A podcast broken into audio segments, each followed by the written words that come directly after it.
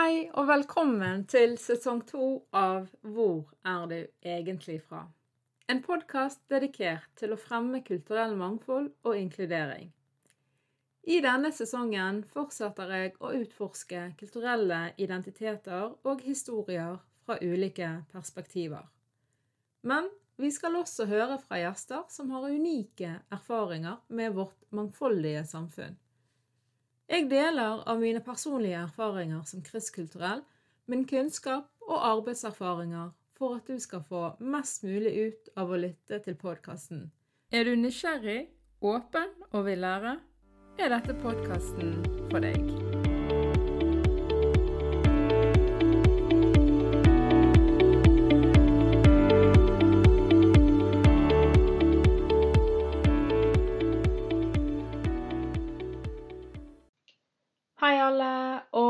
Velkommen til ukens episode av Hvor er du egentlig fra?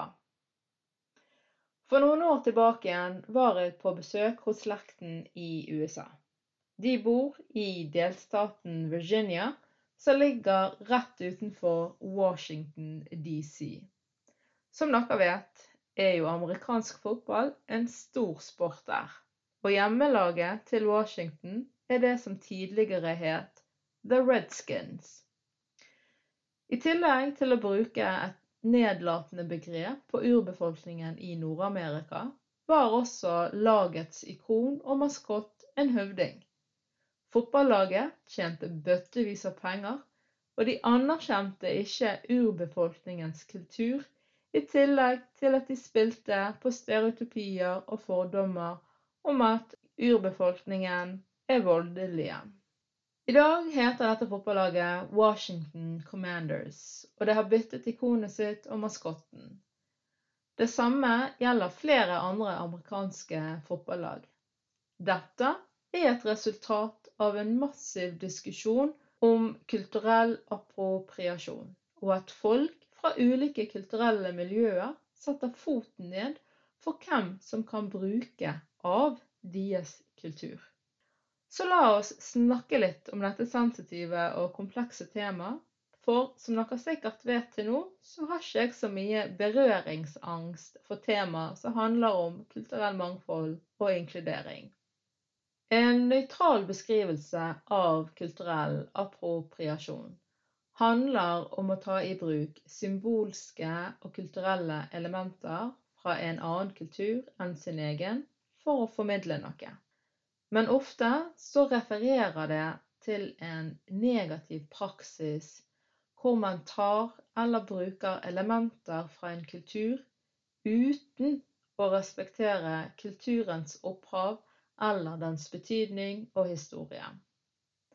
Dette kan inkludere bruk av klær, musikk, symboler, språk og andre kulturelle uttrykk.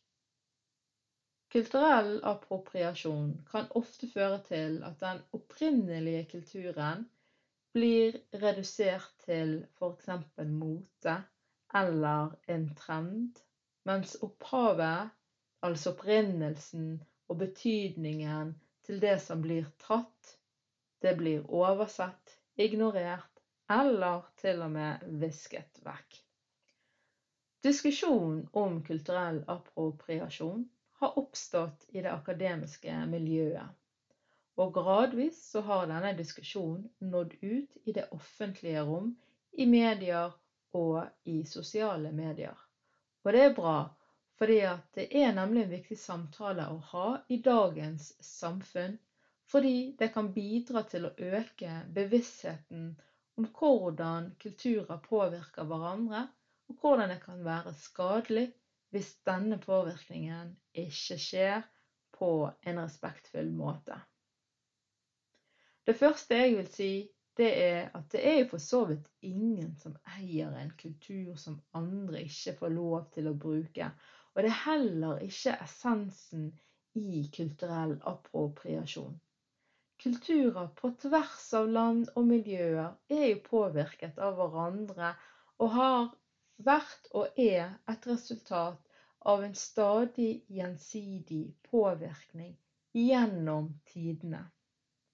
Men kulturell appropriasjon kan være negativ fordi det kan føre til at den opprinnelige kulturen blir, sånn som jeg sa, redusert til noe den ikke er, mens opphavet og betydningen blir oversett eller ignorert. Dette kan være respektløst og føre òg til at kulturer blir misforstått eller undervurdert. Og det andre det er jo at kulturell appropriasjon kan føre til økt marginalisering og diskriminering av ulike kulturelle miljøer. Men at vi snakker òg om kulturell appropriasjon, kan òg bidra til å fremme respekt og forståelse for forskjellige kulturer. Og på den måten så kan vi òg skape et mer inkluderende samfunn som verdsetter mangfoldet. Så kulturell appropriasjon skjer altså når noen tar over og misbruker en kulturell produksjon til en annen folkegruppe, som f.eks. ved å kopiere og bruke deres symboler, klesdrakt, musikk eller andre ritualer direkte eller indirekte. The punchline her, folkens, er at kulturell appropriasjon det skjer gjerne i samfunn der majoriteten har større makt enn minoriteten, ofte av arven av kolonialisme. Og kolonialisme er, som dere sikkert er kjent med, det er når et land erobrer og kontrollerer et annet område eller et folk utenfor deres eget område. Dette innebærer at kulturell appropriasjon er ofte et kultur av at en dominant gruppe som har makt, utnytter en allerede marginalisert, diskriminert eller avmektig gruppe, og slik forsterkes en allerede skeiv maktbalanse. Og jeg skal gi dere helt konkrete eksempler på dette. Men vi kan altså derfor ikke snakke om kulturell appropriering uten å trekke inn kolonialismen. Det er ofte derfor man sier i denne debatten at appropriering handler om hvem som har makt til å ta fra andre uten å bli stilt til ansvar for det. Da er også den skeive maktbalansen i en historisk kontekst et viktig og relevant poeng. Kontekst er derfor avgjørende når vi snakker om kulturell appropriasjon. Og her er noen eksempler på det. I fjor lanserte Hailey Bieber en trend på TikTok, nemlig brun lipliner og brun leppestift og en gloss over. Og hun kalte dette for brownie glazed lips. Dette ble en trend over natten. Hun fikk masse positiv tilbakemelding, og folk mente hun var til inspirasjon som hadde lansert denne nye, kule sminkelooken. Problemet her er at kvinner fra latinske og afrikanske miljøer har i flere tiår brukt akkurat denne lukten, og de er blitt diskriminert pga. dette. Det har også blitt referert til som en getto-look, og sett på som noe ufint eller noe shabby. Men når en hvit artist bruker samme look, så blir altså dette betraktet som noe positivt, kult og hipt. For å ikke snakke om at det å bruke lipliner, altså brun lipliner og brun leppestift med en gloss over, det var et resultat av at store produsenter av sminke ikke lagde sminke med fargenyanser som kunne passe til kvinner med en mørkere hudfarge. Og Husker dere hvordan jeg snakket om at personer med en kristkulturell identitet kan ofte føle seg usynlige på ulike måter, f.eks. på skolen eller gjennom hvem som er representert i medier og TV? Her snakker vi om usynlighet på mikronivå. Og Bieber har fått massiv kritikk for dette. Et annet eksempel det er eh, Kim Kardashian, som forsøkte å ta patent på ordet kimono når hun skulle lansere sin nye undertøyskolleksjon. Og som dere mest sannsynlig vet, fordi at dere er jo oppegående lyttere, så er kimono et tradisjonelt japansk klesplagg som brukes eh, sånn som norske bunader ofte brukes. Det brukes for å markere høytider eller spesielle anledninger, men kimono brukes også i begravelser eller for å markere helse og vekt, og det er også noe som går i arv. Kimmen hun prøvde altså å gjøre det juridisk ulovlig for hele den japanske befolkningen å bruke ordet kimono. Hun anerkjente heller ikke opphavet til ordet, i tillegg til at hun ville endre bruken av ordet. Altså det skulle ikke lenger referere til det japanske klesplagget, men det skulle da referere til hennes undertøy. Og i tillegg så ville hun selvfølgelig tjene millioner på det her. Dette ble stoppet igjen takket være massive protester og klager. Og i dag heter det skins.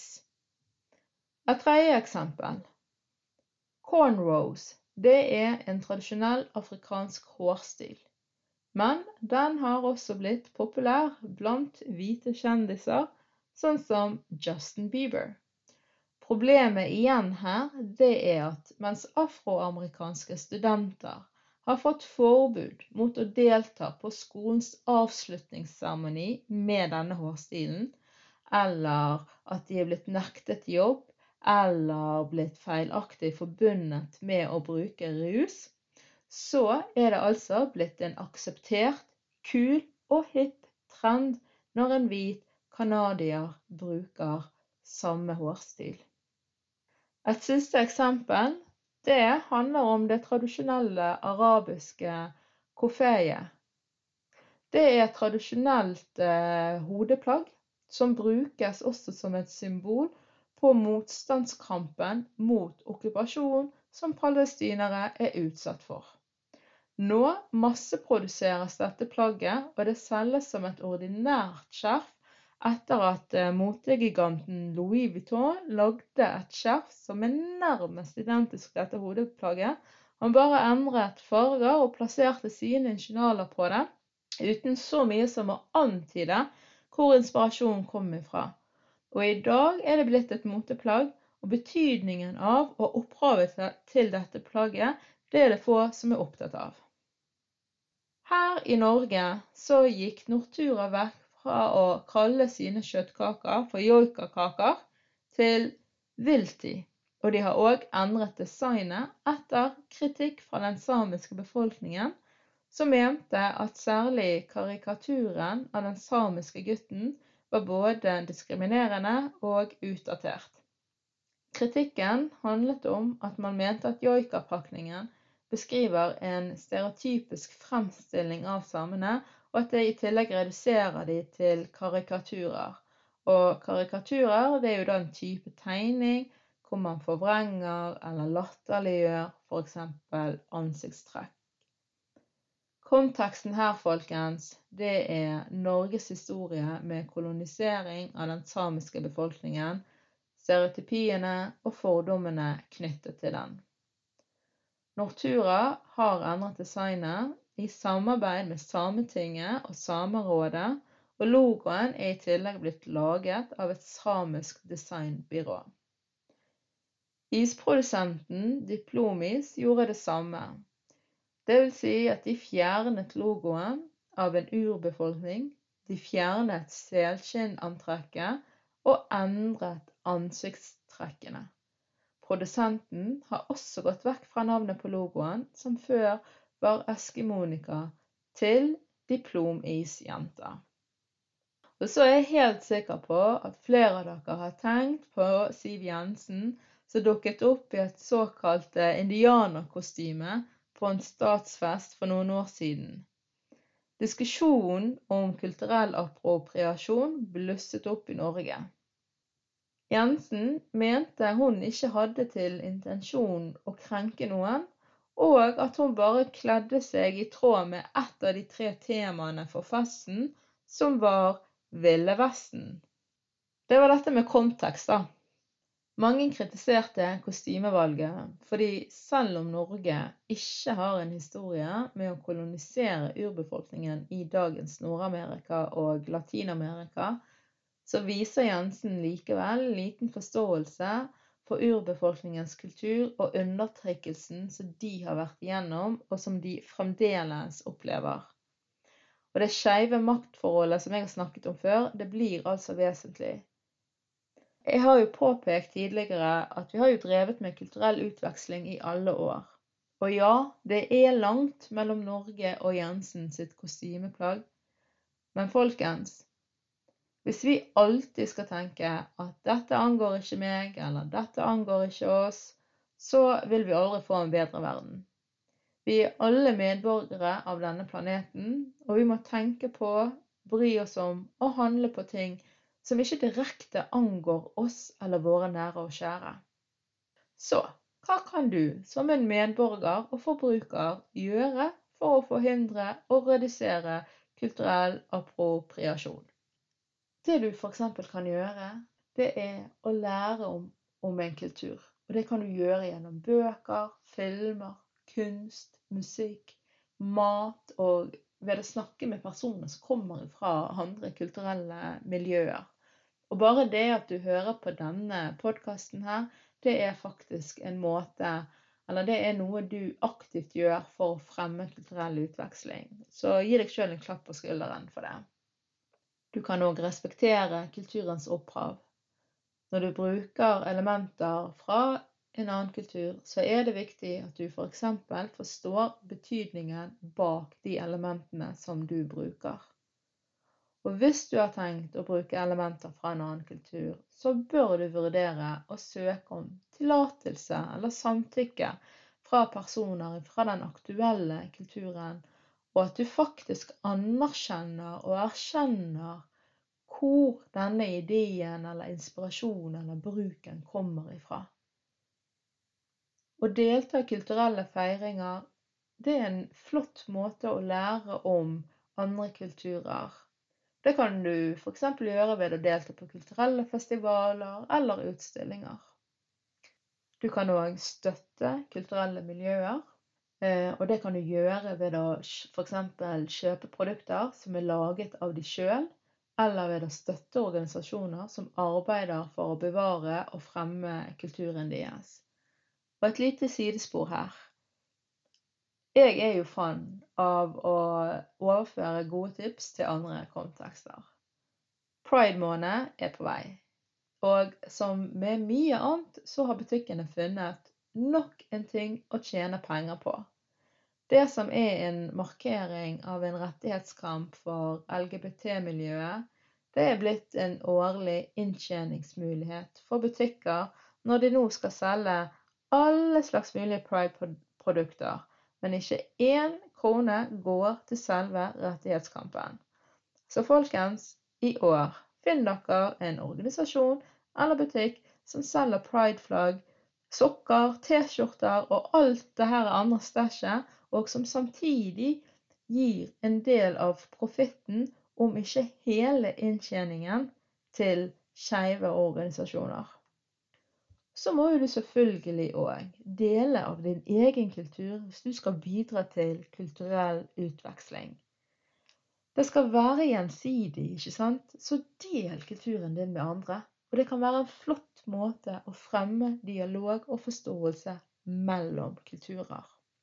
Så nå skal jeg oppsummere litt. Kulturell appropriasjon det er å ta eller bruke et kulturelt element fra en kultur som ikke er din egen. Det i seg sjøl er ikke negativt. Det er når du ikke anerkjenner hvor inspirasjonen eller ideen kommer fra, at det er et problem. Og enda verre så blir det når du utnytter et kulturelt element fra en kultur som er blitt undertrykket, diskriminert og eller forsøkt visket vekk. Jeg har gitt dere flere eksempler på dette i episoden. Det å ta noe fra en kultur og sette det inn i din egen kontekst, det er fortsatt en kolonial måte å gjøre ting på. Altså, det er en grov utnyttelse av andre. Å samarbeide med en kultur og få tillatelse til å bruke et kulturelt element som gjerne gagner òg begge parter, det er noe annet. Sånn som Nortura gjorde. Det kan òg bidra til kulturell utveksling som innebærer en gjensidig respekt og anerkjennelse av forskjellene og likhetene mellom ulike kulturer. Og før vi avslutter, så vil jeg dele med dere hvor jeg fikk ideen til denne episoden fra. Og det var eh, for bare et par uker siden, da jeg klaget min nød til to venner av meg, Camilla og Katrine. Eh, jeg var oppgitt over at en restaurant jeg hadde vært på i London, som da skulle være palestinsk og servere palestinske eh, matretter, ikke gjorde det. Det vi fikk på bordet, det hadde riktig navn på matrettene, men det vi fikk servert, var noe helt annet. Og da syns jeg i det minste at det skulle stått noe om at det er kanskje palestinsk inspirert eller arabisk inspirert. Men ikke kall det for palestinsk, og så ikke det det. Og jeg fortsatte min ventil ventilering og snakket om hvordan hummus er blitt noe som alle skal lage, men så bruker man gjerne egne ingredienser, eller helt andre ingredienser og kaller det fremdeles for hummus. Jeg er veldig opptatt av mine kulturelle røtter, og jeg bekymrer meg priktig for at det en dag skal være glemt hva hummus egentlig er, og hvor det kommer ifra, og at neste generasjon skal tro at det er noe norsk laget av rødbeter. Vi har allerede gjort dette med det vi kaller for taco. Det er liksom noe med å ta og ta, men ikke gi tilbake. Jeg håper jeg har klart å gi dere en enkel innføring i det som kan være et følsomt og komplekst tema. Og jeg håper jeg har gitt dere eh, noen refleksjoner. Men jeg har troen altså på at ved å ha en åpen og respektfull samtale om eh, sånne følsomme og komplekse temaer, så kan vi lære mer om hvordan vi kan unngå å såre eller påvirke hverandre negativt. Takk for at du har lyttet til denne ukens episode av Hvor er du egentlig fra? Håper du likte den, og hvis du gjorde det, setter jeg stor pris på at du liker, deler og følger podkasten. Takk for meg!